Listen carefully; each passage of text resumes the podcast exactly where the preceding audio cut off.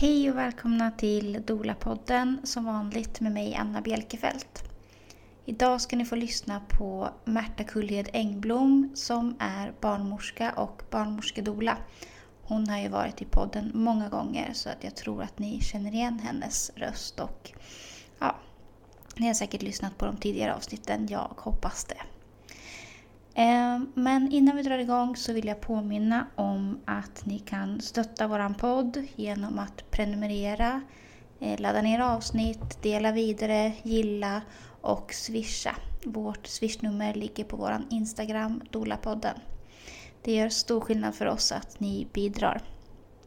Man kan också bli, bli Patreon genom att gå in på patreon.com och söka upp vår podd och där kan man bli månadsgivare. Och jag tror att minsta summan är 50 kronor. Och eh, som sagt, det här gör stor skillnad för oss och eh, ja, tack så jättemycket på förhand helt enkelt. Men tillbaks till gästen Märta. Vi har spelat in ett avsnitt innan som heter Fysiologisk födsel och jag tycker att eh, ja, temat var väldigt bra, frågorna var... Det blev väldigt bra samtal, liksom, givande, varierade frågor, Eh, mycket liksom tankar och diskussion. Ehm, tyvärr blev ljudet inte alls bra.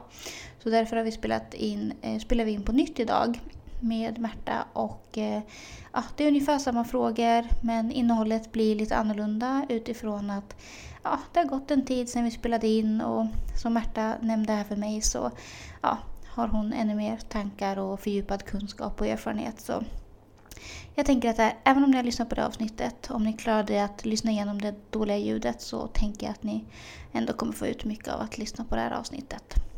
Så här kommer Märta.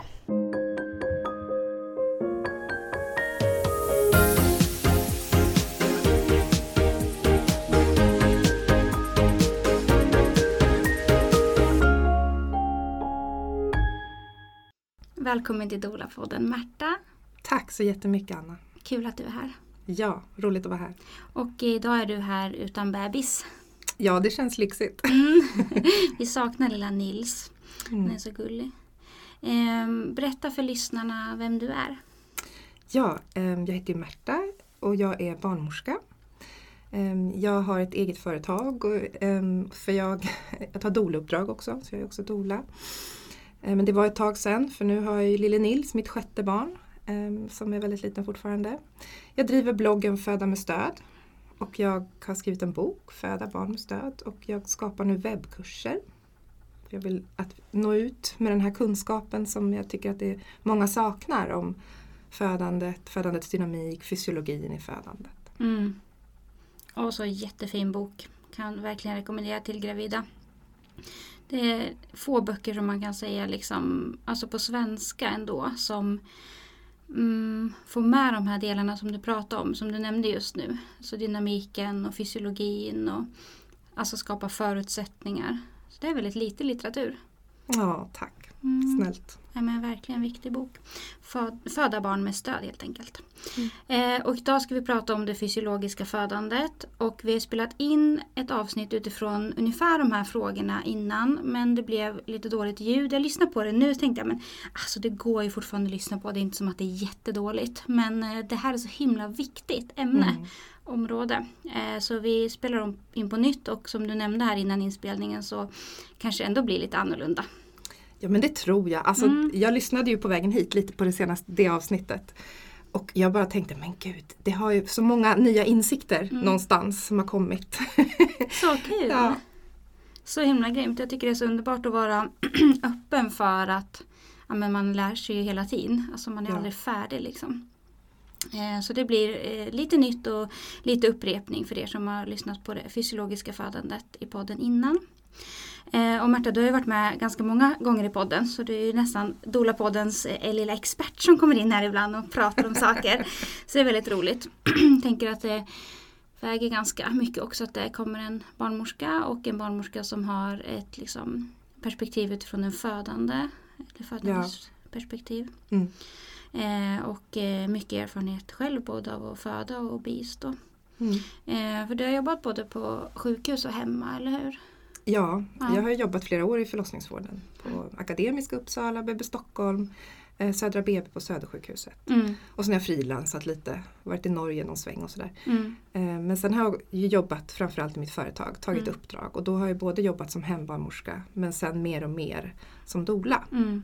Och det beror framförallt på att det är så svårt i den region där jag bor att få till någonting som eh, eh, inom ramen för min legitimation som Mm. barnmorska. Men det, det är ju liksom det här att bygga relationer. Jag har verkligen förstått att det är det viktiga. Ja. Det är där barnmors barnmorskekonsten egentligen ligger, Mm. i att bygga relationer. Mm. Så det, och vilken titel jag har om jag är doula då eller barnmorska, det är mindre viktigt. Mm. Det viktiga är att man får bygga relation. Mm.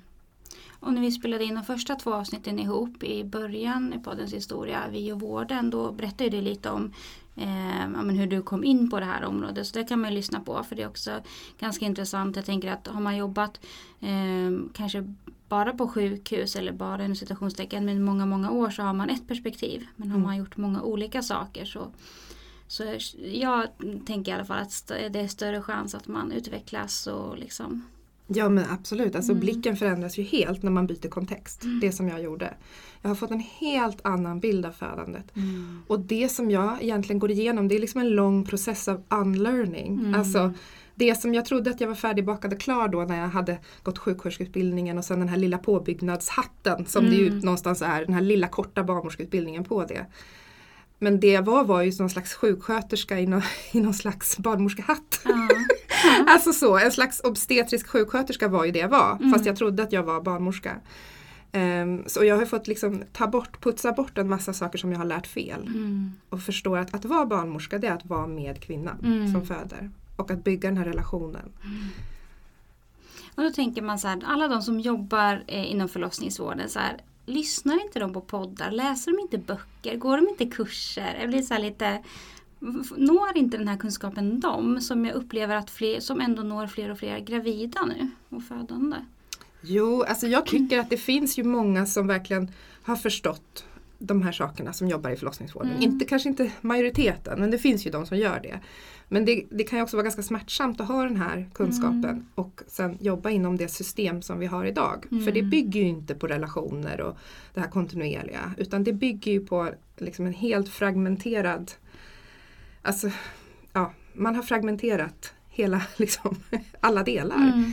Så, en barnmorska sitter på mödravården och tar emot kvinnan och får en bit liksom och sen är det en barnmorska på förlossningen. Och de här delarna, de liksom så svårt att koppla ihop dem. Mm. Så, så Mm. att eh, det blir ju väldigt snuttigt. Mm. Så, så jag tror att många och sen är det också väldigt pressat. Så att, att liksom förkovra sig och verkligen gå in på det här, jag tror att det blir smärtsamt för många. Mm. För när man förstår det här som jag någonstans har landat i nu, då förstår man att systemet som det är uppbyggt idag så är det uppbyggt på fel sätt. Mm. Det är uppbyggt så att det inte matchar fysiologin i födandet Mm. helt enkelt. Mm. Och det eh, ska vi ju gå in på alldeles strax. Superintressant. Men vill du berätta först Märta, det fysiologiska födandet. Man, man tänker att så här, vi pratar om naturligt, normalt, fysiologiskt och liksom eh, spåna lite kring dem. Eh. Men vad innebär det fysiologiska födandet för dig? Ja men det fysiologiska födandet det är ju en spontan förlossning. En kvinna som är frisk, som går in i förlossning spontant och som föder utan komplikationer. Mm. Ehm, Det är ju ja, när allting är friskt och Mm. man föder barn helt enkelt. Ehm, En sta- spontan start. En spontan start Mm. och att förlossningen går som den ska och sen så eh, utan komplikationer. Mm. Alltså så. Mm. Eh, att livet går vidare. Mm. Liksom.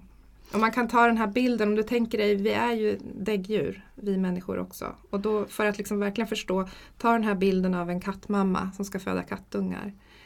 Det är ju klart att det finns många skillnader mellan människor och katter, men ändå.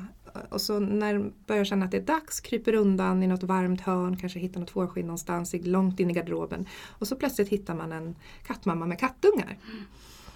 Och det där, hon har fött sina kattungar helt instinktivt, den här kattmamman. Och hon kanske slickar dem och jag vet inte om katter äter upp moderkakan eller vad de Mm. gör.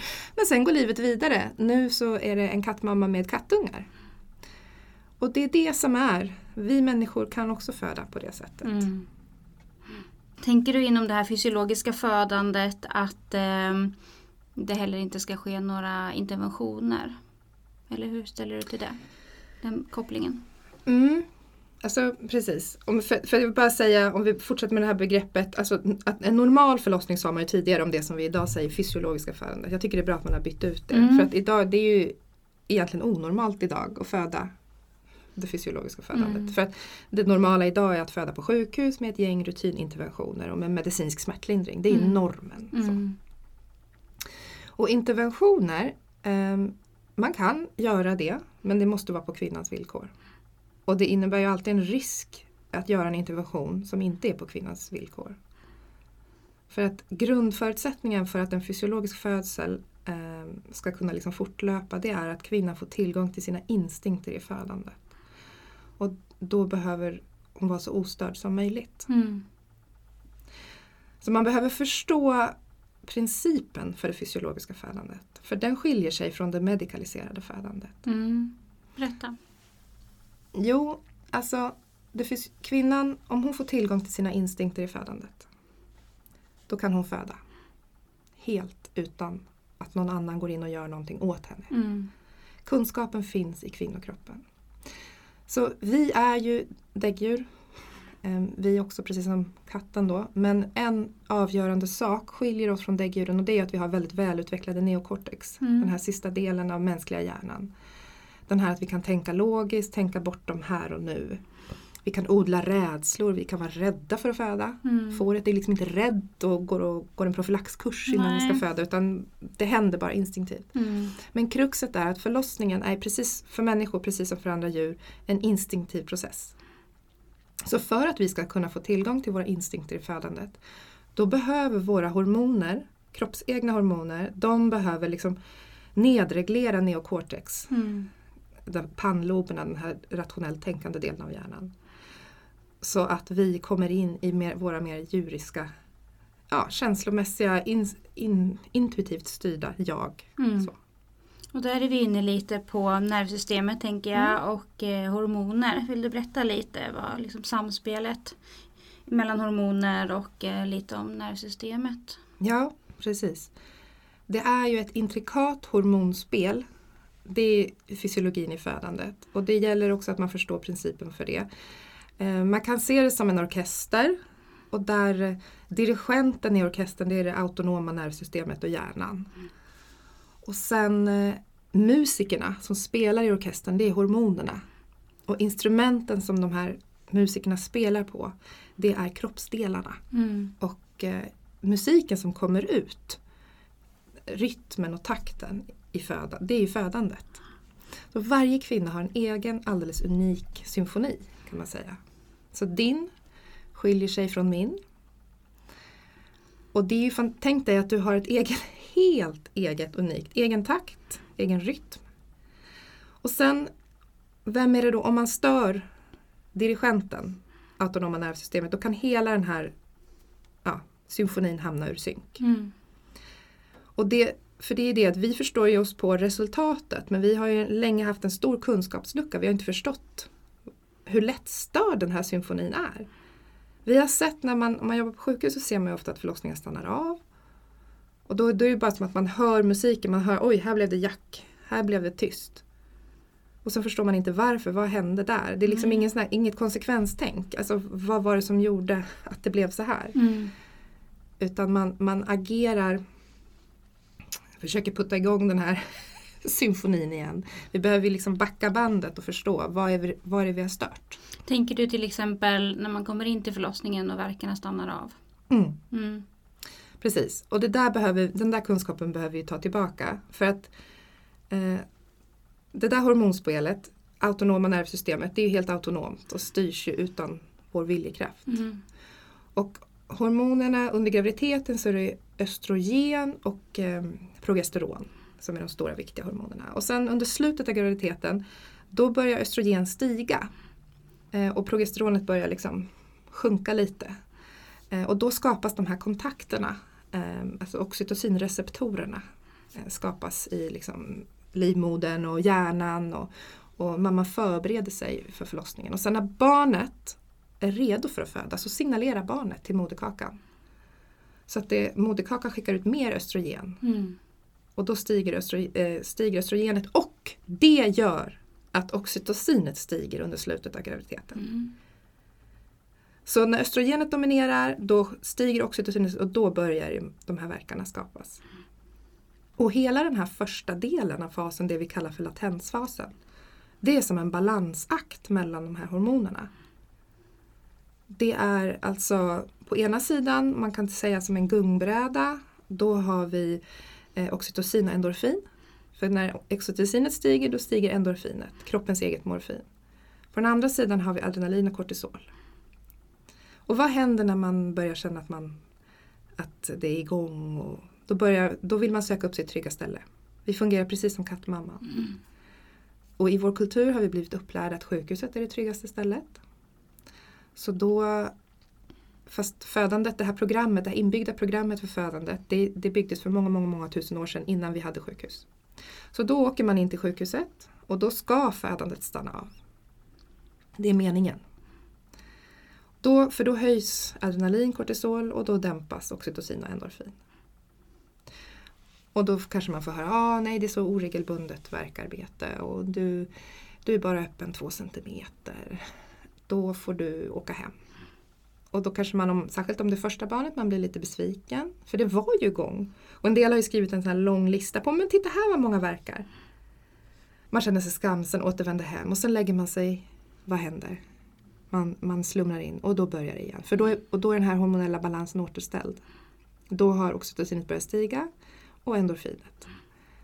Och då kommer det igång igen. Det är ett ganska bra kvitto på, eller liksom bevis på att eh, de allra flesta ändå, de flesta kroppar är tryggast i hemmet. Ja, Mm. ja alltså eh, vi har organiserat vår förlossningsvård på ett sätt som går faktiskt rakt emot fysiologin i födandet. Mm. Alltså natten är ett skydd. Mörker, natt, hemma i grottan. Så att, eh, för att då är det som lättast att koppla bort den här tänkande delen av hjärnan och gå in i det intuitiva. Mm. Och många förlossningsarbeten startar på natten. Så under den här, jag, jag gillar ju Rachel Reeds um, de här begreppen när hon har introducerat dem, det är inte hon som har introducerat dem men hon har tagit dem och gjort det som en ram för födandet, alltså hur man kan dela in födandet i faser. För de speglar eh, de psykologiska förändringar som sker inuti kvinnan. Mm. Och då kallar man ju latensfasen för separationsfasen. När man separerar från vardagslivet. Mm. Och det är mycket bättre att beskriva det på det sättet. Verkligen. Latensfas känns ju Latensfas är väldigt det är nedvärderande och det är Alltså det gäller att förstå att vår västerländska förlossningskultur, det, här, det är bara påhitt de här faserna. Latensfas, aktiv fas, alltså så. Ehm, du måste förstå förlossningen som en helhet. Du kommer aldrig bli klok på den annars. Nej. Du kommer inte förstå. Det är eh, absolut en kaotisk process att föda barn men du behöver förstå den som en helhet. Mm. Och förlossningsvården idag de sitter med fyra pusselbitar i ett tusenbitars pussel. Mm. Och, och liksom an, ja, ordnar vården runt de där fyra pusselbitarna. Så du kan säga att hur många centimeter öppningsgrad det är, det är som att ha en pusselbit i ett tusenbitars pussel. Mm. En otroligt liten snuttig del som säger så lite. Och ändå är det så mycket där man går efter när man kommer in till förlossningen. Mm. Mm. Att det är det som är viktigt. Och det är ju bara det är ju bara en slump när man råkar infinna sig på sjukhuset som kvinna. Om man kan uppvisa rätt kriterier då vid rätt tidpunkt. Mm. Så det är ju bara en slump om det där matchar. Om man råkar komma in när man är 4 cm öppen. Mm. Det kan ju påverka hur hela förlossningen blir om man kommer in så, eh, i rätt tid Mm. i förlossningsvårdens ögon. Mm. Jag tycker att vi borde göra otroligt mycket mindre vaginala undersökningar än vad vi gör. Men det gäller det fysiologiska födandet. Mm. Under medikaliserade födandet, när man föder med hjälp av medicin och intervention, då behöver man liksom hela tiden skademinimera. Man behöver ju se vad man gör. För då har ju förloss- nycklarna över förlossningen ligger i personalens händer då på ett annat sätt. Mm. Eh, självklart kan man jobba kvinnocentrerat vid medikaliserat födande också. Eh, men det är viktigt att förstå att de lyder under två helt olika principer. Mm. Och det tror jag många blandar ihop. Det blir bara en röra av allting. Ja, man gör samma på alla. Ja, man gör Mm. samma på alla och man ser inte om det här Man måste börja med att tänka, okej hur startar förlossningen? Är det Mm. här ett fysiologiskt födande som vi ska försöka bevara? Eller är det här en igångsättning? Mm. För en del tror att alla vaginala förlossningar är samma. Mm. För en, en igångsättning är ju ofta målet ska bli en vaginal förlossning. Men det är absolut ingen fysiologisk födsel, Nej. en igångsättning.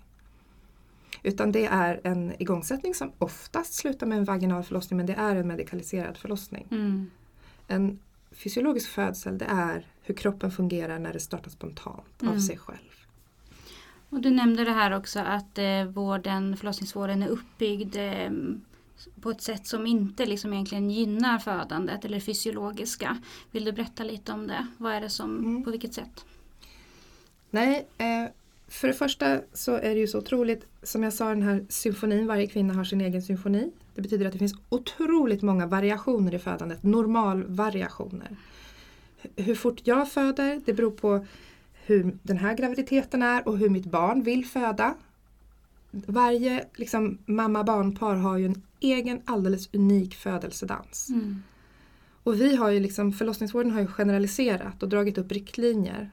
På ett jätteskralt underlag har man sagt att ja men ungefär en centimeter i timmen ska cervix öppna sig. Och så har man liksom mätt cervix. Ehm, och alla kvinnor som inte liksom, som föll utanför det har man ju behandlat som om det vore patologi, alltså onormalt. Så det är ju jättemånga kvinnor som har fått onödiga interventioner då. Mm. För att man inte har respekterat kvinnors unikhet i födandet. Och förstått att fysiologin, endokrinologin, alltså hormonerna, hur de fungerar, det är så sammanvävt med liksom hur föd- födandet ter sig. Mm. Du måste titta på alla bitar ihop. Du måste fråga kvinnan vad hon behöver. Mm. Man måste lyssna på kvinnan. Och nu har man ändå gett det lite mer tid, lite större ramar än det här en centimeter i timmen. Men det är ändå inte kanske fullt tillåtande av variationer. Nej, man har jättemer tid men man är fortfarande inne på samma spår. Mm. Du måste byta spår. Man är fortfarande inne, nu ska det vara 5 cm istället. Mm. Det är jättebra för det Mm. kommer bli fler kvinnor som får lite tid på sig. Mm. Men det fortfarande pratar vi om centimeter. Ja. Varför gör vi det? Mm. 5 centimeter, som att du tar, för nu blir det liksom att ja men du ska vara 5 centimeter, innan dess så räknas det inte men nu räknas det vid 5. Du, Mm. du har samma tanke, liksom vurpa. Ja. Bort med centimetertänket. Mm. Alltså varför rä- räknar vi centimeter? Jo, för att man kommer åt att känna. Ja. Det som händer och det som egentligen skulle vara en mycket bättre liksom predikator för progress det är hur fundus, hur, mycket, hur tjock fundusmuskeln har blivit. Toppen av livmodern. Mm. Men det kommer man ju inte åt. Nej. Så därför har man liksom struntat i det. För det som händer alltså med livmodermuskeln det är ju att vid varje kontraktion, varje sammandragning, varje verk om man så vill, då drar ju den ihop sig och behåller en del av ihopdragningen. Contraction. Mm. Så det gör att den blir väldigt mäktig och stor. Och den är jättetjock innan barnet, kvinnan vill börja krysta fram barnet. Och det är en bättre, liksom, egentligen. Men då skulle man ju behöva gå in och kolla muskelfibrerna och det kan man ju inte. Nej. Eh, För en vaginal undersökning, det, den har väldigt många bieffekter. Det finns ingen, liksom, ingen evidens för att det är någonting som förbättrar utfallet. Det är ju liksom om, om det verkligen om det är någonting som känns fel. Eller om kvinnan verkligen vill bli undersökt. Alltså, Mm. Då kan det vara värde. Och om det är någonting med föregående fosterdel, någonting som gör att man tänker att barnet kanske inte ligger eh, som, som det var tänkt och sådär. Då kan det ju vara värde att liksom, Mm. men just det här för själva progressen så tycker jag att vaginala undersökningar under ett fysiologiskt födande ofta gör mer skada än nytta. Mm. Och då är vaginala undersökningar en av de sakerna som faktiskt kan störa fysiologiska födandet. Mm. Vad, vad tänker du mer kan störa? Allt. Mm. Och det där är ju jag har verkligen, det, det jag menar med att jag har gått igenom en process av unlearning. Jag har ju förstått att jag har ju också varit där och stört. Man tänker ofta som barnmorska, men jag är duktig, jag kan födandet, jag är expert, men nej.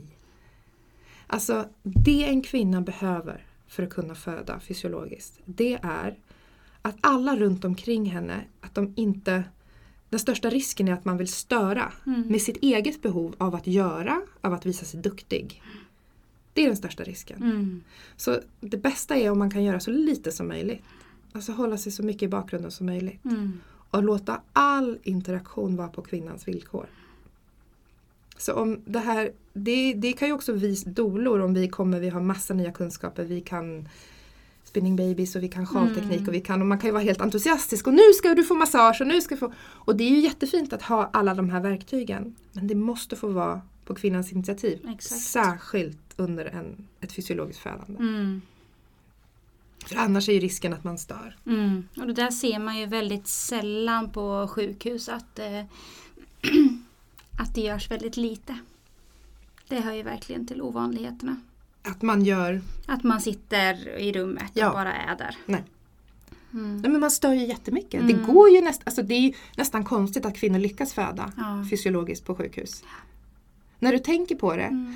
att förflytta sig mitt under verkarbetet, det går emot fysiologin i födandet. Att träffa okända människor, det går emot fysiologin i födandet. Att bli bedömd varannan timme kanske.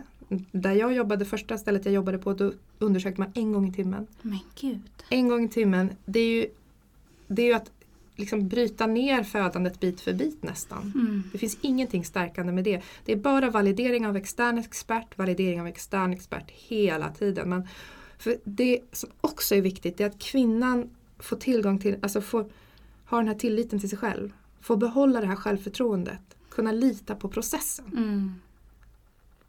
Och när du har alla de här liksom reglerna för hur det här ska gå till, då tar du plockar du ju bort bit för bit av Mm. kvinnans självförtroende. Mm. Och du nämnde det här också med relationer. Vill du berätta hur det spelar in? Alltså precis. Dels är det ju det är så enkelt men ibland är det här enkla så svåra. Det, Mm. Vi behöver välkända ansikten runt oss när vi föder. För vi är djur men vi är sociala djur. Så när du har de du känner och litar på runt dig. När du har deras ansikten, deras röster, deras ljud. Då blir du trygg. Mm. Det är precis samma sak som att det är mammans röst som gör barnet trygg när barnet kommer ut på magen. Och det är samma sak för det är liksom hormonet oxytocin som ska flöda. Som ska komma i liksom pulsar så att det blir det här liksom ett bra verkarbete. Det är det som föder fram barnet. Men om du behöver hela tiden vara på din vakt, du behöver svara på frågor, du behöver säga vad du har för personnummer, du behöver eh, ta ett covid-test mitt under verkarbetet, du behöver tänka logiskt och du behöver hela tiden ta ställning till ny information. Du kanske behöver höra Mitt när du krystar får du frågan, kan, är det okej om det kommer in en annan person och är med här, att vi är två barnmorskor? Alltså det är liksom, allting är bara nej. Mm. Och det här, det, varför jag är irriterad det är för att, att man behöver berätta för kvinnor. För att varför, vad händer annars? Jo, kvinnor tar på sig skulden Mm. för förlossningar som stannar av. Hela skulden och vi, eftersom det är så få som vet det här så är det ju så få som kan berätta det för kvinnan att ja men det här beror inte på att du inte kan föda. Det här beror på att du fick fel förutsättningar. Mm. Och så många som behöver höra det. Mm. Mm. För just som du nämner här under krystfasen, det är som att då är det som att då går alla in i lite så här, okej men nu är det skarpt läge, nu måste vi liksom kavla upp ärmarna och gärna kanske tända, nu måste vi vara redo för att det kan hända massa farliga grejer. Och så kallar vi in extra personal och så. Att det liksom händer väldigt, väldigt mycket runt mamman i det här eh, krystskedet och de kanske behöver det precis tvärtom. Alltså verkligen. Mm. Alltså, det, ja, det gör ont i mig när jag tänker på det. För att det är en sån delikat fas av förlossningen. Och då ska det vara, verkligen inte komma in nya människor under krystskedet. Och om det gör det ska de hålla extremt låg profil. Mm. Ehm, utan krystfasen, det, det är också det transition som följer på liksom, krystningen. Det är också en sån där då många kvinnor vill ge upp, de inte vill längre och så. Och då behöver man ju hålla det här födandet väldigt, väldigt mycket. Mm. Ehm, så det är väldigt, tyvärr väldigt vanligt att det fysiologiska födandet kanske hålls intakt ända fram till krystfasen på sjukhus. Mm. Och där börjar problemen. Där börjar otåligheten kanske och det här att eh, inte låta kvinnor krysta på egna impulser. Man kanske börjar fråga om provkrysta och sånt. Mm. All, alla interventioner där är, utgör ju risker. Mm. Vi har också pratat lite tidigare i podden och jag vet att vi pratade om det sist också. hur omständigheter runt omkring kan påverka vilka liksom, ja, men, förutsättningar som man får.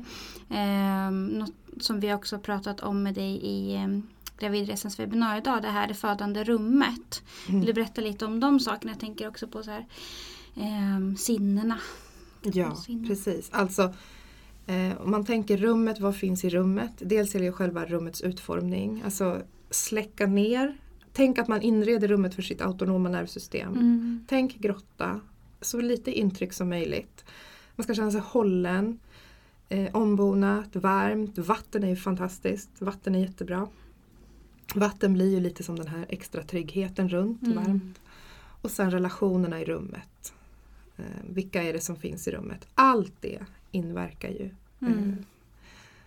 Så att ha, om man har den här ringen av stöd runt sig, många som föder på sjukhus, det blir livlinan. Det blir det som att man kanske gör att man kan få den här fysiologiska födseln på sjukhus. Mm. Att man har de här trygga relationerna runt sig Mm. som man har tagit med sig hemifrån. Mm. För det är inte helt lätt som du sa att, eh, att få en fysiologisk födsel eller att föda fysiologiskt på sjukhus. Vad tänker du att man kan göra som gravid om man säger men jag vill väldigt gärna föda fysiologiskt? På sjukhus. Mm. Då behöver man försöka få relationell vård, relationsbaserad vård. Alltså om man inte har en barnmorska med sig så behöver man en doula eller någon som en stödperson. Ehm, och teama ihop sig med sitt födelseteam. Ehm, och sen behöver man skriva ett jättetydligt förlossningsbrev. Väldigt tydligt. Ehm, som tar upp de här sakerna. Att man vill föda fysiologiskt, att man inte vill bli störd. Man kan gärna precisera att man till exempel inte vill få förslag om smärtlindring. Det där är också något som väldigt lätt kan störa. Mm. Att man är, eh, när man är, för när, man, när hormonerna har arbetat ner neokortex då är man så otroligt mottaglig för manipulation. Under den här eh, liminella fasen när man befinner sig mellan två världar som eh, födande. Om någon säger då vill du ha en epidural då kommer man inte kunna säga nej. Nej. Så det där ehm, det behöver man veta som barnmorska men det är också om som födande gardera sig mot sånt, sådana störmoment. Mm. Och sen också efter att barnet är fött, är det, förlossningen inte klar. Då är det jätteviktigt att säga om man vill att, att barnmorskan eller undersköterskan, de som är runt ska småprata eller om de ska vara tysta. Och det måste skrivas ner. Mm. Absolut. Och hur man vill ha det under den här kanske första, de första timmarna. Ja, För ofta händer det ju väldigt mycket då också. och sen är också det är ditt födande, det är du som ska föda. Mm. Det här att man ska underkasta sig massa rutiner. De ska serva dig. Vi har liksom fått dem bakfoten det där. Mm. Att kvinnan ska anpassa sig efter en massa andra saker. Det är, det är ditt födande, du som föder. Mm. Det tycker jag att många eh, par och familjer som man pratar med blir väldigt så här, mm, chockade när man pratar om att men vi måste switcha hur vi tänker i, liksom, kring rollerna i det här rummet. Att, Mm. eh, tänk att ni kommer in till ett hotell som ni betalar jättemycket pengar för och de som jobbar där eh, har liksom betalt för att serva er och se Mm. till att ni har det så bra som möjligt. Mm. Eh, och Medan många kommer in och tänker så här, åh nu är vi på deras arbetsplats och vi vet att de har det stressigt och eh, vi kanske inte ska ringa för att de har inte hunnit äta och den där barnmorskan såg trött ut och eh, ja, det blir väldigt tokigt. Verkligen. Alltså man, jag ser mer och mer, alltså födandet är en del av kvinnans sexualitet. Så. Eh, det behöver inte nödvändigtvis vara så att man känner att födandet är som, som skönt sex. Men alltså, försök se, se det som en del av kvinnans sexualitet. Det är samma hormoner inblandade, det är samma liksom könsorgan Mm. inblandat. Samma förutsättningar behövs för att det ska bli bra. Mm, det tycker jag är en jättebra liknelse. Berätta lite. Men för då är det ju lättare att se att det behöver vara på kvinnans villkor. Och om, om hon då under den här akten, och det, det är liksom den absolut största orgasmen man överhuvudtaget kan få är ju födan, det fysiologiska födandet. Att då behöva ta hänsyn till massa andra personer, föda på någon annans villkor, det kommer stjälpa, det kommer inte gå. Nej. Och det blir ett slags internaliserat alltså det, förtryck Mm. av kvinnans sexualitet. Mm. Det här att kvinnor inte får låta när de föder, att de ska sitta i en speciell position som är bra för barnmorskan. Eh, vi förtrycker kvinnor och vi förtrycker kvinnors sexualitet Mm. när vi inte låter kvinnor föda på sina egna villkor. Trycker ner deras kraft. Det är väldigt tydligt tycker jag. Ja, och det här är ju såklart inte medvetet. Det Nej. här är någon slags organisk process som har pågått. En slags total medikalisering och appropriering av födandet. Mm. Och en slags gaslightning, alltså det här att det är så otroligt farligt att föda hemma och så, det stämmer ju inte. Nej. Nej, det är en väldigt vanlig eh, sak som man hör om. Eh, men om vi tänker så här då, vilka för och nackdelar finns det med fysiologisk födsel? Det finns väldigt stora fördelar med en fysiologisk födsel. Alltså för att um, för, en förlossning fyller ett, liksom ett syfte i sig. Det glömmer vi ofta. Vi tänker att ja, förlossning det är bara som att vi ska plocka ut den där färdigbakade bullen ur ugnen. Mm. Den sista lilla, äh, det är bara, nej nej. Förlossningsprocessen den har ett eget värde i sig. Det händer otroligt mycket saker där. Mm. Och det som händer där spelar väldigt stor roll för vad som händer sen. Antingen får du en enorm boost av de hormoner, de kroppsegna hormonerna som är involverade i födandet.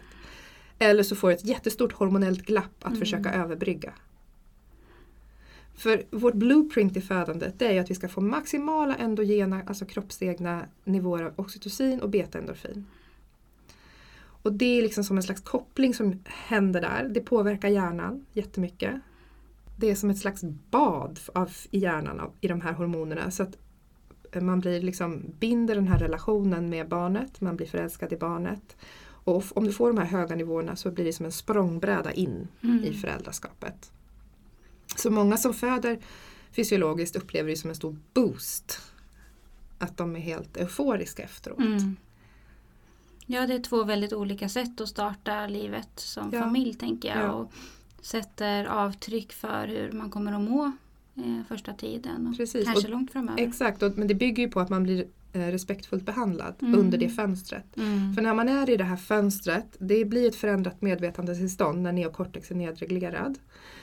Under det vi kallar för aktiva etablerade fasen. Eh, om du blir utsatt för övergrepp där då kan det ge jättestor skada. Mm. Så man kan ju verkligen komma ut förminskad efter en fysiologisk födsel om man inte blev respektfullt behandlad. Mm. Det är viktigt att veta om. Mm. Vad tänker du att ett eh, övergrepp kan vara bara för att nämna några så att folk förstår att det inte bara handlar om att trycka ner kvinnan i gymposition till exempel?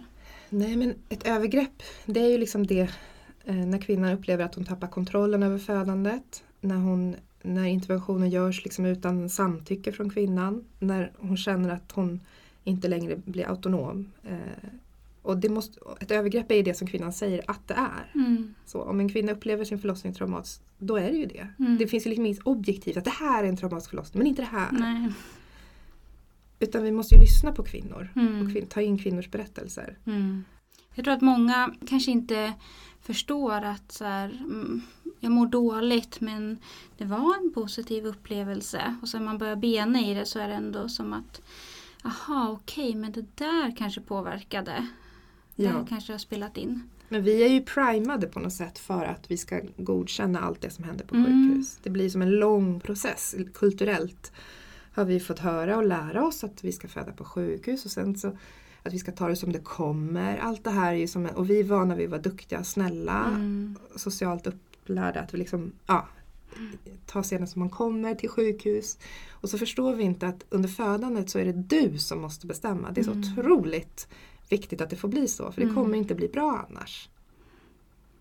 Så viktigt. Eh, men tänker du att eh, en normal födsel är samma som en naturlig? Nej. Nej. En normal födsel idag det är ju att föda Snart är det ju igångsättning det normala. Mm. Men en normal födsel idag är ju att föda på sjukhus med EDA och lustgas, skalpelektrod och verkstimulerande dropp skulle mm. jag säga. Mm. Det är det normala och det mm. är kanske inte riktigt naturligt om man tänker. Nej, det är det inte. Nej. Eh, men vill du berätta lite Märta vad som händer i kroppen när man föder barn? Mm. Från början liksom. Ja, precis. Nej, men under graviditeten så, um, så växer ju den här muskeln, livmodern, till sig och med barnet som ligger där i sin vattenvärld. Um, och då, de här hormonerna som är inblandade då det är ju östrogen och progesteron. Så det är ju väldigt många förändringar som sker i kvinnokroppen. Och just det här att, att man, är, man, man är två. Alltså ibland har jag tänkt på det där och bara, men det är ju så häftigt. Eller tre om man mm. väntar tvillingar. Mm. Och man är ju liksom helt sammanbunden med varandra. Man är en enhet. Du kan liksom inte plocka ut och behandla en ena utan man är en enhet, mor och barn. Och barnet ligger ju skyddat i sin värld, får all sin näring via navelsträngen, moderkakan, ett helt eget nytt organ som byggs, som behövs för att det här ska fungera. Man kan se den som barnets livförsäkring, moderkakan. Och sen livmodertappen, den blir ju hård och bakåtriktad under graviditeten. Och så sitter det sekt slem där inne mm. så att det liksom inte ska kunna komma upp några bakterier och så. Så barnets värld ska ju bevaras intakt under graviditeten fram tills det är dags. Och sen när det är dags så signalerar ju barnet att barnet är redo att födas. Och vilka hormoner är det då? Eh... Ja, alltså barnet skickar som en östrogenföregångare till moderkakan och då moderkakan sänder ut mer östrogen i mammans eh, blod och då det östrogenet triggar oxytocinet mm. eh, att eh, stiga kan mm. man säga. Så när östrogenet dominerar över progesteron då börjar för att jag menar under graviditeten så kan man ju ofta känna förverkar. Mm. Men de har ingen effekt på livmodertappen. Nej. Men mot slutet av graviditeten, då när östrogenet och oxytocin stiger, då börjar de ha effekt. Och då börjar livmodertappen börja kortas och mjukna och riktas bakåt. Mm. Det börjar bryta ner relaxinet och kollagenet, det här liksom, som gör att det blir som en nästipp. Mm. Det känns ju som en nästipp. Och det där är också en ganska lång process. Den börjar mogna och mjukna. Mm. Och, men de flesta känner ju att förlossningen startar med verkar. Mm. Korta verkar. Och vad händer i liksom fysiologiskt då med det som ni eh, barnmorskor kallar cervix? Ja precis, jo, men den förkortas ju. Eh, försvinner, utplånas som man säger. Alltså att den försvinner helt så att man inte kan känna den. I alla fall när det är första barnet brukar det ske att den först försvinner och sen börjar öppna sig. Men omföderska så kan den ju liksom utplånas och börja öppna sig samtidigt. Och sen så börjar ju modermunnen liksom öppna sig. Eh, och barnet tränger ju ner. Mm. Först, när det är första barnet så brukar barnet fixera sig ganska långt ner eh, några veckor innan. Men när det är andra, tredje barn då kan det vara lite mer rörligt och sådär. Mm. En lång tid innan. Eller hela, det kan ju, att, det var, att inte fixerar sig förrän det kommer riktiga verkar så att säga. Mm. Och då är det ett eh, prostaglandin som hjälper cervix att öppna sig. Ja, precis. Prostaglandin det gör ju att det mjuknar. Precis. Mm. Det är som ett hormonliknande ämne som gör att det um, ja, mm. som hjälper till att bryta ner mm. Eller livmodertappen, mm. cervix. Och sen, eh, för många får ju höra så här, ja men eh, nu är det fullt öppen så nu är det bara dags för barnet att rotera. Mm. Eh, men sen när man pratar kanske lite mer med barnmorskor som har ett annat perspektiv då är det mer så här, men det kan ske också parallellt. Framförallt om man är omföderska. Att bebisen ja. börjar flytta sig neråt samtidigt som cervix öppnar sig. Ja, precis. Mm. Det där gäller ju att förstå att, att vi behöver individualisera. Alltså hur öppet det är, det är bara en sån liten ögonblicksbild av ett flyktigt nu kan man säga som säger väldigt lite, lite om vad som ska hända sen. Mm. Uh, och det är lite hur, exakt hur barnet ligger. Uh, så. Um, det kan ju vara öppet två centimeter och sen nästa stund så har barnet kommit jättelångt ner och, och det är öppet mer. Mm. Um, så att hur barnet snurrar hur barnet har snurrat det säger egentligen mer än mm. kanske exakta centimeter mm antalet. Det är liksom som att det ska, barnet trär ju den där ja, modermunnen som en polotröja över sitt huvud. Liksom. Mm. Och det är väl, tänker jag, en av de liksom, viktiga anledningarna, ja, en av de viktiga anledningarna i alla fall, att, eh, att vara uppe och röra på sig, kanske framförallt mm. efter man har fått en epidural och ja. bebisen står högt upp fortfarande. För det är väldigt vanligt att många blir liggande då. Exakt, och mm. där är det jätteviktigt att veta att om du får en epidural då stänger du av en del av det här intuitiva och de där hormonerna eh, som eh, endogena hormonerna. Så att, eh, där är det jätteviktigt att inte bara bli liggande för det blir också det är en drog och man tycker det är skönt att få vila och få ligga och sova lite. Och man, har mm. säkert, man blir trött, man vill ta igen liksom sömn. Men där får man ju som barnmorska eller doula stödperson faktiskt eh, hjälpa till med födelsedansen mm. och uppmuntra kvinnan att komma upp. Så man får liksom eh, vad säger man, kompensera lite mm. för det epiduralen tar bort. Får man hjälpa födelsedansa på traven. Så där är det verkligen viktigt, variera rörelsemönster, komma upp, mm. gå på mm. toaletten, sjalteknik. Alltså. Mm. För vad är det som händer med, med bebisens huvud och cervix när man är uppe jämfört med, med när man ligger ner? det blir ett annat tryck på modermunnen och det där trycket det blir som en nervreflex Mm. som frisätter mer oxytocin. Mm. Och sen är det tyngdkraften. Den är ju en viktig kraft liksom. Mm. Och den är inte alls oviktig Nej. Under förlossningen. Det är ju en av de födande krafterna också, Mm. tyngdkraften. För det tror jag att många som, eh, alltså det kan hjälpa att bara få den bilden. Ja ah, just Mm. det, men om bebisens huvud trycker mot den här öppningen så känns det Ja. rimligt att den öppnar sig Mm. mer. Liksom. Ja, Även om inte centimeter är det viktigaste men det är ändå någonting som ska ske under tiden absolut. bebisen är på väg ner. Eh, men berätta lite vad som kan hindra en fysiologisk födsel. Vad som kan liksom bromsa upp eller så. Det viktigaste är ju liksom faktorer i omgivningen. Mm. Alltså att, att man stör moment Mm. som gör att eh, kvinnan inte känner sig trygg. Och det här är ju på ett omedvetet plan. Man kan ju känna sig intellektuellt jättetrygg eh, men att kroppen säger nej ändå. Mm. Så där kroppen inte känner sig trygg så kan ju vara så att verkarna slutar komma helt Mm. enkelt. Ehm, så det, det är ju det, kanske det vanligaste. Mm. Att man reagerar på någonting i omgivningen. Så säger kroppen nej helt enkelt. Fast man tänker att det här är en trygg plats. Och Ja, hon ja, verkar ja, ja. snäll. Och, Ja, ja, ja. Mm. Och det där är ju viktigt att förstå att det där sker helt automatiskt. Ehm, och och, he, och man blir utdragen ur sin förlossningsbubbla och det är ju svårt att inte bli det om man ska förflytta sig och komma till sjukhuset och träffa ny, nya människor. Mm. Man kan ju, alltså, jag brukar tänka att man kan ha en filt eller någonting runt sig som skärmar av sig lite från omgivningen Mm. och försöka ta med sig den här trygga bubblan Mm. in på sjukhuset. Ehm, men, men det kan ju bli en utmaning att hålla den hela vägen. Mm. För att även om man lyckas ett tag och sen så kommer ju liksom krystfasen och det här framfödande fasen. Då brukar det ju vara svårt kanske att behålla den. Mm. Min upplevelse är ofta att om man är hemma länge då brukar det gå bättre. Mm.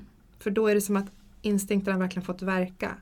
Och man har kommit in i det här oxytocinflödet. Och sen blir det en process som liksom inte går att hejda. Nej, det rullar på. Det rullar på även om man byter miljö där på slutet. Men det Mm. kan ju också bli lite kaotiskt. Mm. När det går sådär att man kommer in precis på slutet. Mm. Då kan det också bli lite sådär kännas så vad skulle vi in här och göra? Mm. Precis, och jobbigt att ta bilresan om det är väldigt kraftigt. exakt. Så det där är ju en jättesvår balansgång. Mm. Och det finns inga, eftersom vi har byggt in det att man ska förflytta sig. Mm. Det är helt suboptimalt. Mm. Så det finns inga jättebra tips. Man måste försöka känna in vad som blir bäst i det enskilda fallet. Helt Mm. enkelt. För det är en, en fråga som vi väldigt ofta får, så här, när ska man åka in? Mm. Och det är som du säger, att det går inte att säga när det kommer vara en bra idé för dig att åka in. Men Nej. jag upplever också som du säger att om man, om man inom citationstecken lyckas stanna hemma länge så Mm. kör kroppen ofta på sen. Ja, för att om du kommer in under separationsfasen, det här när eh, balansakten mellan oxytocin, endorfin och, och adrenalin, kortisol. Om du åker in där, då, då stannar det av. Mm. Då ska det stanna av. Mm. Men om du liksom väntar tills du har kommit in till den liminella fasen av förlossningen, alltså när, när du har det här förändrade medvetandetillståndet. När man Mm. kommer in och liksom kanske pratar, pratar inte som man brukar, man är väldigt här, lite primitiv Mm. i sitt uttryck. Då är det lättare att det fortsätter. Mm.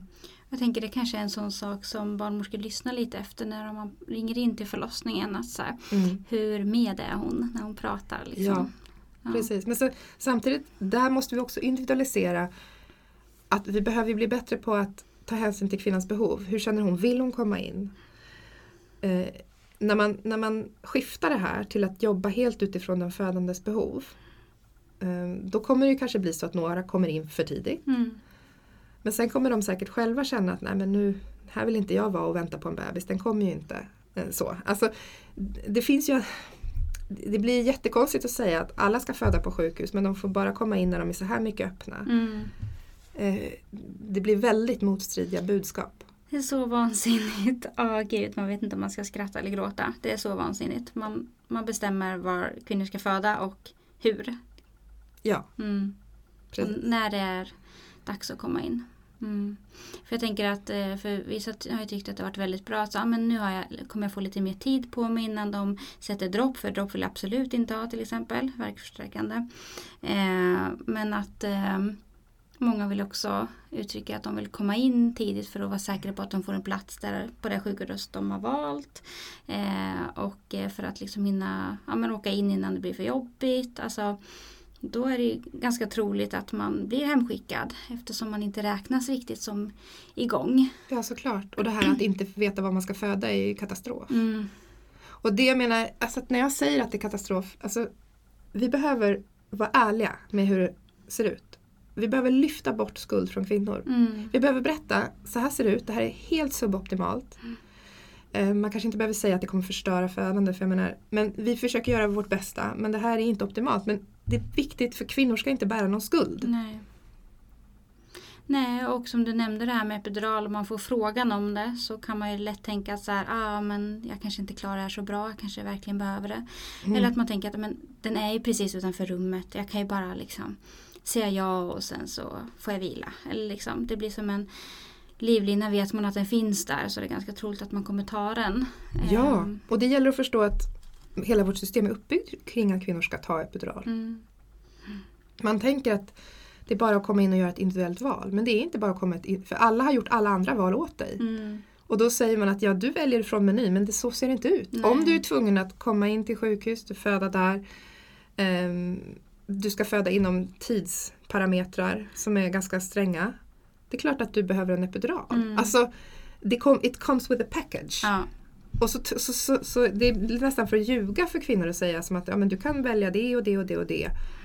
Men, men hela grundplattan är redan satt. ja men exakt. Förutsättningarna för Ja. att det ska räcka med TENS och stöd är inte så Nej, Bra, och så lägger liksom. man det på kvin- ja, men kvinnor idag. De är tjocka, de är feta, de är gamla. De Ja, exakt. vill inte föda med, de kan inte föda utan epidural. Så lägger man all skuld, det också på kvinnor. Ja, det är inte kvinnornas fel att man föder med epidural idag. Vi har en Nej. kulturell liksom, backdrop Mm. som innebär att man ska få epidural. mm, Det där, du hör när jag börjar bli irriterad. Alltså, det där gör mig arg. ja, För vi lever i en kultur, det är någon slags patriarkal skamkultur Mm. där vi lägger skuld på kvinnor. mm. ja, det pratade vi lite om sist, att liksom patologisera födandet, att det har blivit så himla mycket så senaste tiden. Eh, vad Ja, tänker du? precis, men det, det har det ju. Mm. Jag menar, varför vi sitter och pratar idag det är ju också för att den här kunskapen behöver komma ut. Mm, Ehm, Det här är- det är liksom utrotningshotat, mm, det fysiologiska födandet. Skilja, kunna skilja äkta patologi från normalvariationer. mm, Vem kan det idag? mm, Det är jättefå som kan för du måste ha en djup kunskap om kvinnocentrerat eh, sätt, approach att jobba på som barnmorska eller läkare. Och sen behöver du ha djup kunskap om fysiologin i födandet. Och du behöver ha tilltro till processen. Har många har det? Hur många har tilltro till att kvinnor kan föda? mm, Ju mer du jobbar inom ett system som ser ut som idag desto mindre tilltro får du för att du får en sån stark bild av komplikationer i födandet. ja, Det, det missing link är ju att man ser inte vad det är som gör att det blir så mycket komplikationer. nej. Det är det jag tänker är en jättestor faktor. Mm. Och som du skrev om på din blogg eh, för ett tag sedan att, eh, att många barnmorskor inte har sett en fysiologisk födsel. Alltså det är ett jättestort problem tänker jag. Mm.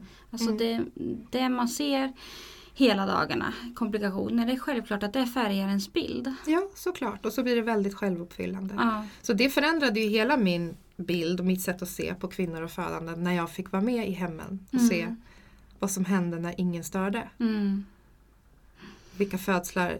Då, då återuppstod ju hela det här med gud, kvinnor kan föda. Förstföderskor som föder så, så liksom på ett helt annat sätt Mm. när de får vara ostörda hemma. mm. Ja, och eh, där kommer man ju lätt in på det här med att ja, men, jag tänker att många i den kontexten möter att så här, ja, men, det är inte liksom säkert att föda hemma och det här har vi ju pratat om i ett annat avsnitt. Mm. Farligt att föda, det tycker jag verkligen ni ska lyssna på. Det är så himla himla bra. Eh, för att liksom bena ut lite eh, missuppfattningar som har kommit i den här diskussionen. Mm. Eh, att eh, sjukhus är det säkraste för alla. Mm. Eh, Medan sanningen kanske är en annan. Ja, verkligen. Alltså, det blir ju så att om man tar födandet och kvinnan, om kvin- man har liksom ingen tilltro till födandet, inga kända personer runt sig och man kommer till sjukhus, ja men då kanske det är bra att man är på sjukhus för då har man ju plockat bort så många friskfaktorer. Um, men jag menar det är ju ens eget fel, det är vi som har skapat den situationen. Um, födandet är i grund och botten eh, det mest sannolika är att det, att det liksom följer vårt evolutionära blueprint. Mm. Det mest sannolika är en eh, spontan okomplicerad födsel. Mm. Det har vi ju helt tappat bort. Mm. Hur kan vi vara så många människor här på jorden? Ja, precis. Vi har massa iatrogena kejsarsnitt Mm. som sker nu för vi tror att kvinnor inte kan föda barn och vi förstår inte hur vi ska stötta fysiologin. Nej. Det är ju liksom det är skrämmande. Mm. Jag vill jättegärna höra någon kommentar från dig Märta också kring det här med att eh, igångsättningar ökar så mycket. Mm. Vad tänker du? Nej, jag tycker man har sänkt nu tröskeln för intervention ännu mer. Ja, då är det nästan när ska man ehm, alltså varför ska man inte inducera i vecka 38, 39 så? Bebisen är ändå färdig. Ja, precis. Då har man liksom helt... eh, Man, det blir det här, man hamnar i hela den här interventions... Eh, att man kastar interventionsstenar och man bara tittar på här och nu. Och man tittar inte på vad som händer om tre, fyra år och vilka konsekvenser det får när man har kastat den här interventionsstenen. Eh, jätte, jättemånga kvinnor kommer ju få mycket längre förlossningar, sämre upplevelser. Ehm, och man kommer störa det här fina, finstämda eh, hormonella spelet och fysiologin av födandet. Och det kommer få stora, stora efterverkningar. Mm. Men det värsta kanske är att eh, kvinnor tappar tilltron till födandet. Och det där blir en process som går snabbt tror jag, när det väl liksom, när det försvinner.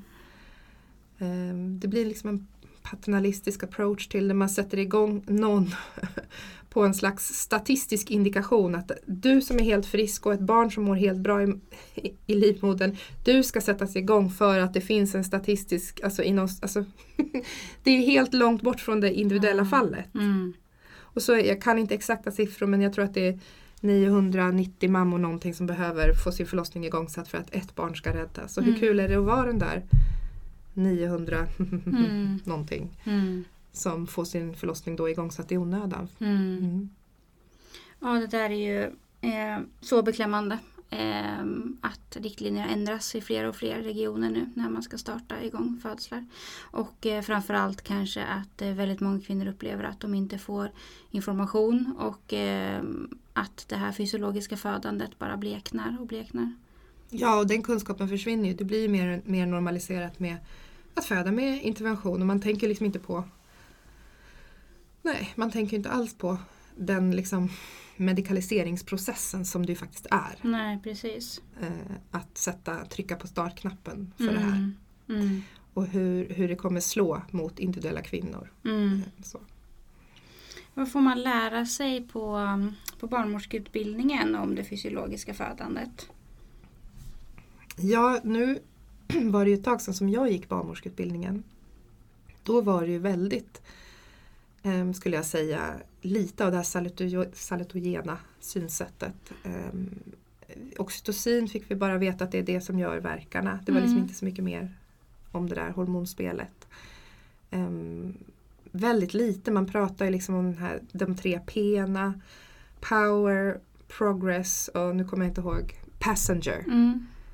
Och man pratar om det som om det är någon som ska trotsa fysikens lagar. Mm. Man missar att det är en fysiologisk process Mm. som gynnas av vissa faktorer och missgynnas av andra. Mm.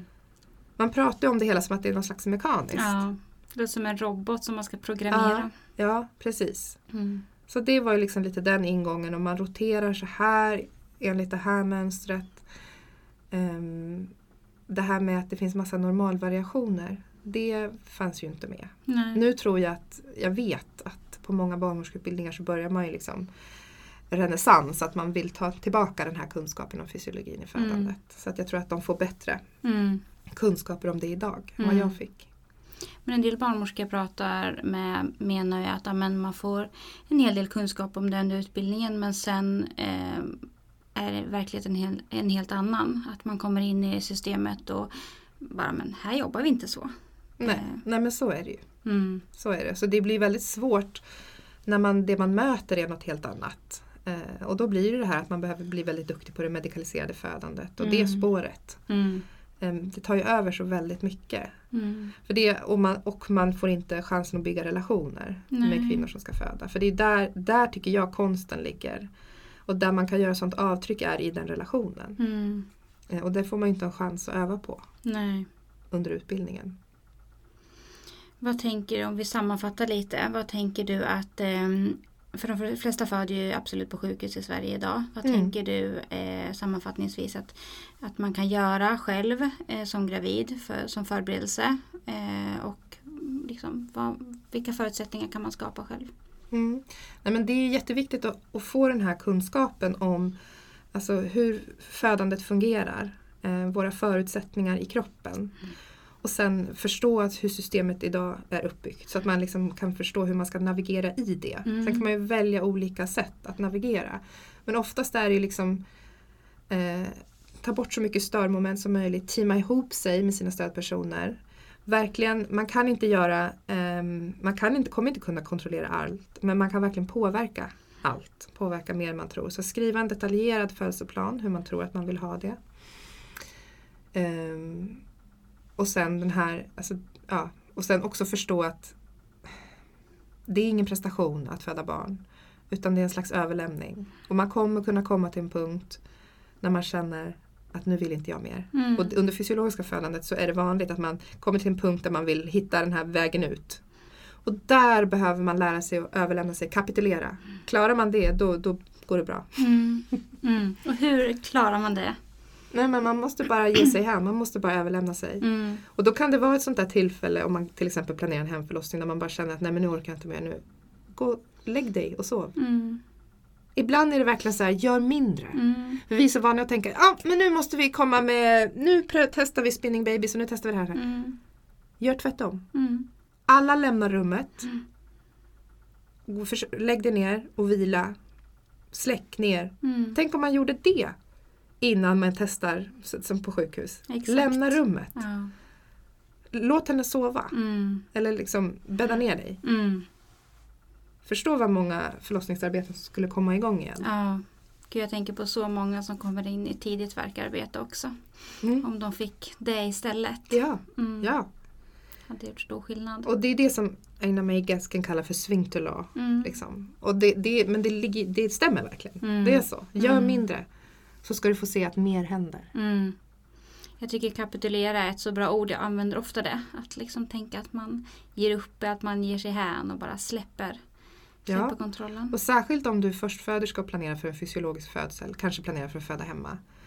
Där är det ju särskilt viktigt att man behöver förstå att du, för att det ska gå vägen, behöver du kom, kapitulera. Mm. När du kommer till, du kommer möta det där motståndet. Det kan Mm. vara det här inre hindret, det här liksom, där behöver du bara ge dig hän till din kropp. Mm. Komma över det hindret. Mm.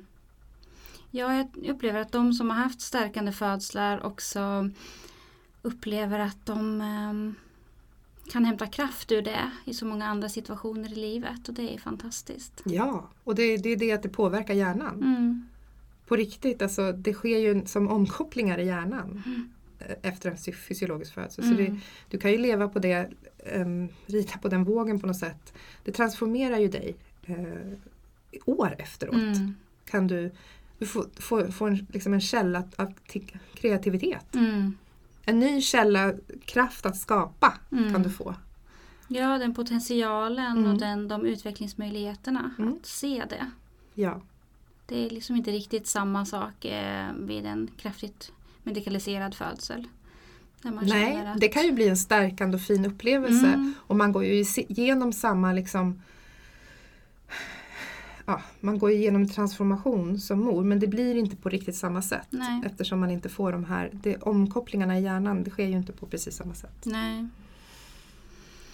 Är det någonting annat Märta som, eh, kring det här ämnet som du tycker att vi inte har berört? Nej men jag, det viktiga för mig det är att kvinnor ska få föda som de vill.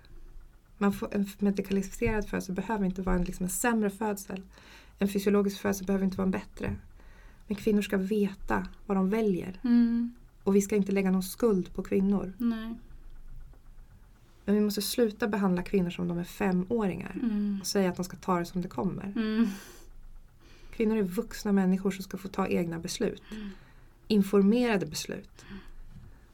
Ja, för det är så stort. Det är att fatta beslut kring, som du säger, sin kropp och sin sexualitet Mm. och sin hälsa och sitt barns hälsa. Ja, Det är väldigt många saker som det innefattar. Verkligen. Mm. Sin relation kanske om man har en. Ja, ja, ja. Och vi Mm. måste liksom det här, förstå hormonerna och hur, vad, det, vad det är som ligger bakom. Att fler måste kunna få gå in i föräldraskapet utan hormonella glapp att överbrygga. Mm. Det, är, ehm, det är jätteviktigt. Mm. Och att, vi, att det är så många som har så dålig kunskap om alltså själva ursprunget till att vi sitter här Mm. idag. Liksom. Hur, kan det, hur, hur kunde det bli så? Mm. En sista sak som jag tänkte på som vi pratade om sist var ju också, bara lite kort, det här med vattenfödsel. Mm. Eh, att det kan vara någonting som kan potentiellt skapa förutsättningar eh, Mm. för att föda fysiologiskt på sjukhus. Vill du berätta varför? Ja, det, det är ju jättebra. Det är också för där är back off, säger ju poolen och vattnet. Mm. Stör inte. Det blir ju som fysiskt svårt att störa. Exakt. Så där är det ju liksom, och där också man får tillgång till rörelse. Så det kanske är lättare att få det här instinktiva rörelseflödet Mm. som födande, för man är i vattnet. Ehm, så det är ju jättebra. Mm. Det är ju fantastiskt att det finns mer kunskap om det nu i alla fall i Sverige, om Mm. vattenfödslar. Det knasiga är ju att man, det är lättare att få en epidural än ett bad. Ja, och det säger ju något om synen på födandet och hur medikaliserat det är. Mm. Och, men- och det, det är ju lättare att styra någon som har en epidural än att styra någon som har fått ett bad Mm. och kommit ner i vattnet. Åh, man blir så upprörd när man tänker på det. Mm. Och det är såklart det är inte, det är inte någon en person, det är ett system. Mm. Det är ju inte liksom de enskildas illvilja utan många försöker ju verkligen göra så gott de bara kan i det här Mm. systemet. Mm. Men om man zoomar ut och tittar på det lite uppifrån eh, så måste man se att det här systematiskt så får ju kvinnor, många, många fler än som skulle behöva ju traumatiska födslar. Mm. eh, och går allt annat än stärkta ur sina födslar. Mm. Och då har vi gått långt ifrån vårt evolutionary blueprint. För Mm. vårt blueprint är att gå stärkta ur födandet. För att det behövs för att vi ska kunna vara starka, kreativa eh, liksom, Mm. människor och eh, bra föräldrar. Kunna orka vara föräldrar till våra barn.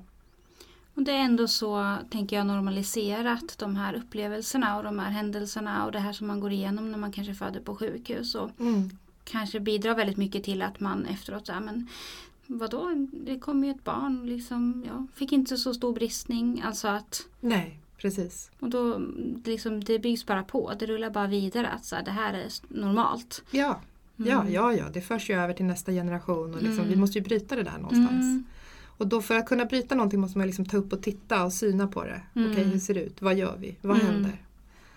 Jag tycker att det är en jätteviktig aspekt att så här, både liksom lyfta upp och syna och verkligen så här, titta under lupp på saker men också så här, som du sa eh, ställa sig högt ovanifrån och Mm. ha helikopterperspektivet och se helheten. Ja. Mm.